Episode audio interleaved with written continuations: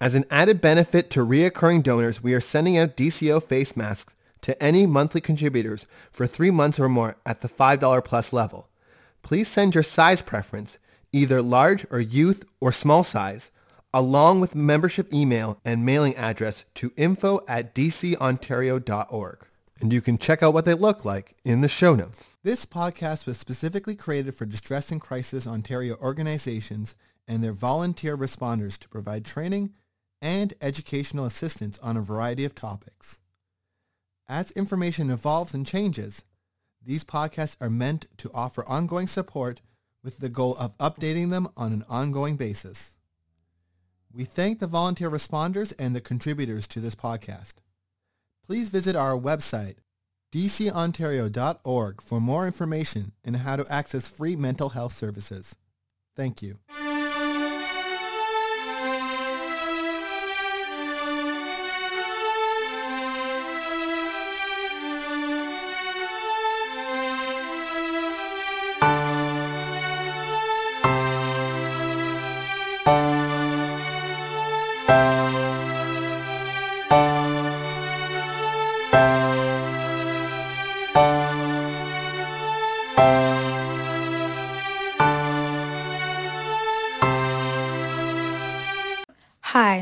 Brenda, and I'm currently a BSW student completing my placement with Distress and Crisis Ontario, and I'll be your host for this week.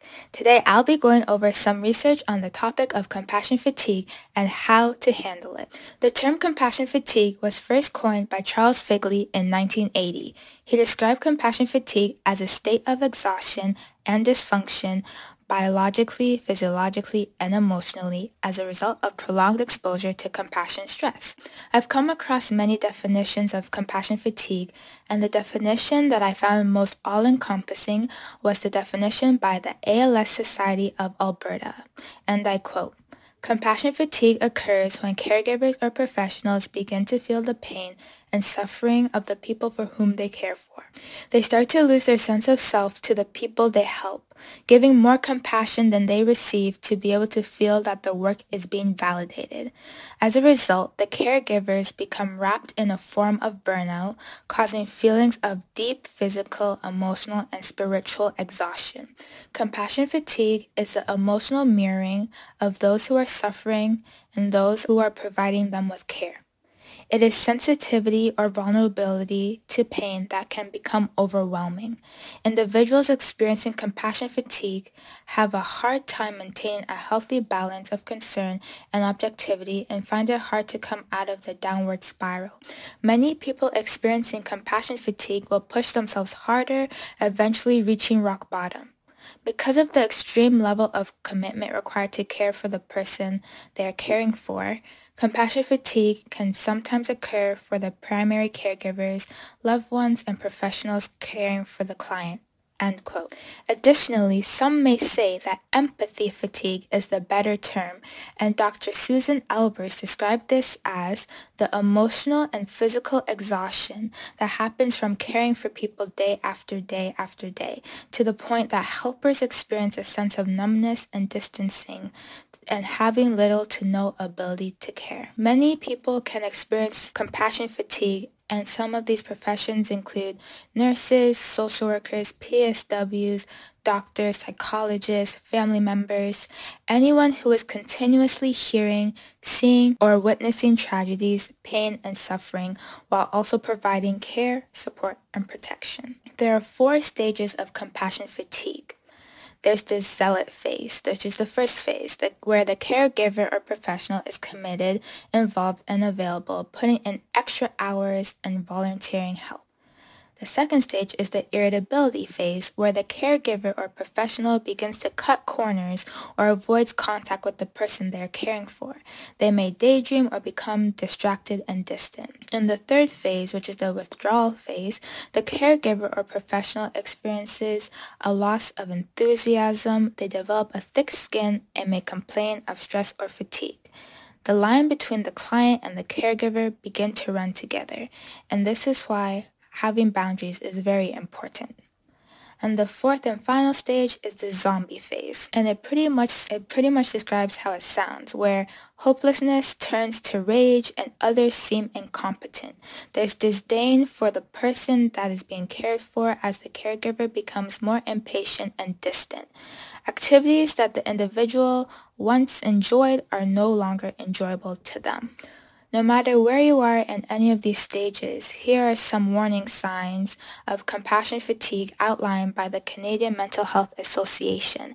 And these are feeling, feeling overwhelmed, hopeless, helpless, or powerless when hearing of others suffering, feelings of anger, irritability, sadness, and anxiety, feeling detached from our surroundings or from our physical or emotional experience, feeling emotionally, psychologically, or physically exhausted, burnt out or numb, physical symptoms such as nausea, dizziness, headaches, then there's reduced empathy, feeling hypersensitive or insensitive to the stories we hear, limited tolerance for stress, self-isolation and withdrawal, relationship conflict, feeling less efficient or productive at work, reduced pleasure in activities you once used to enjoy, difficulty sleeping, and maybe having nightmares, difficulty concentrating, focusing or making decisions, and self-medicating and increased substance abuse. If you have identified with any of these symptoms, here's what you can do. Registered psychotherapist Françoise Mathieu advises that it's best to figure out and understand what your top three big warning signs are that let you know that you're about to hit rock bottom. It's important to reflect on how your body indicates to you that you are headed for trouble. There are three indications to watch out for, which are physical, behavioral, and emotional. If you are having difficulties trying to figure this out, ask some of your loved ones or anyone that you live with. They are most likely to notice and let you know how they know that your compassion meter is running low and you're about to hit rock bottom. Some physical indications may include headaches and heart palpitations. Behavioral indications could be that you feel easily annoyed, you may begin isolating yourself, and for the emotional reactions you may have, you might feel depression, anxiety, or irritable. Furthermore, some helpful tips for coping outlined by the Canadian Mental Health Association also includes mindfulness, being aware and mindful of your thoughts, feelings, physiological changes in your body, and any emotions you might be experiencing. Focus on your breathing and slow down your breathing rate. Use visual reminders to stay connected with yourself and appreciate your positive aspects of your life. You may want to look at photos, flowers, maybe a painting, your favorite book, anything that gives you a positive visual visual representation of what you enjoy. Put negative thoughts, worries, and stressors into perspective and take a broader approach to better evaluate them. Identify your resources, learning and strengths to help you make healthier decisions and to move forward. Focus on what you have control over. Take time to appreciate yourself and your hard work. Look at your positives and remind yourself that you don't have full control over most outcomes. Accept that pain and suffering are part of life and you don't always have a lot of control. Then there's practical aspects to self-care so you can eat healthy, set time for physical exercise, and be kind to yourself. Engage in proper sleep hygiene. Get the proper amount of sleep that you need for your body. Seek quality social support, whether it's reaching out to your loved ones, talking to friends, making time during your week to make sure you go out and socialize, well, with social distancing measures, of course. You can virtually meet up with people, whether using Skype, WhatsApp, FaceTime, anything to keep you connected to your social support or community. Also, you can be mindful to schedule meaningful activities for yourself. So what do you like to do? I personally like to paint. I like practicing calligraphy. I like going on bike rides. So whatever is meaningful to you, make sure to schedule that into your life.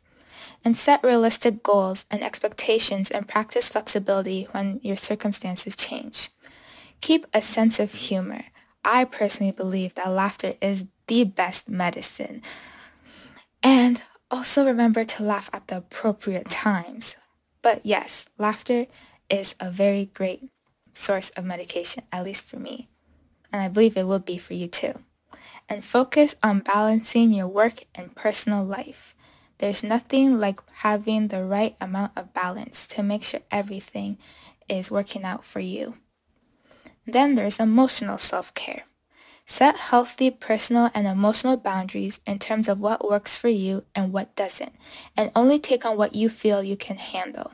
Keep in mind that your emotional boundaries will likely change over time, and that's okay. Just adjust them accordingly. Maintain your compassion, connection, and empathy without overly taking on someone else's pain or suffering or tragedy. I hope that these practices will be beneficial to you if you are caring for someone that requires you to use a lot of compassion and empathy to care for them. Even though you are caring for others, always remember to check in with yourself and practice self-care. And don't feel bad if you've ever gone through any of this. It's normal. The work you do is important, and taking care of yourself so you can be your best self is just as important as well. I hope that this was a great start, and if you are wanting to learn more about compassion and empathy fatigue, I highly suggest that you do some more research into it or check out the links below. Take care until next time. Bye. Hi, I'm Damien, one of the editors of the DCO Learning Forums podcast. We are committed to providing the most current and up-to-date information.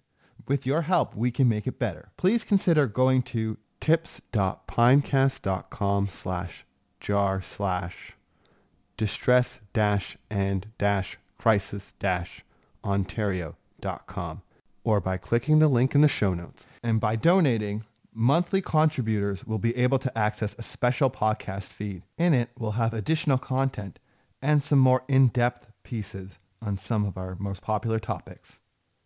Thank you.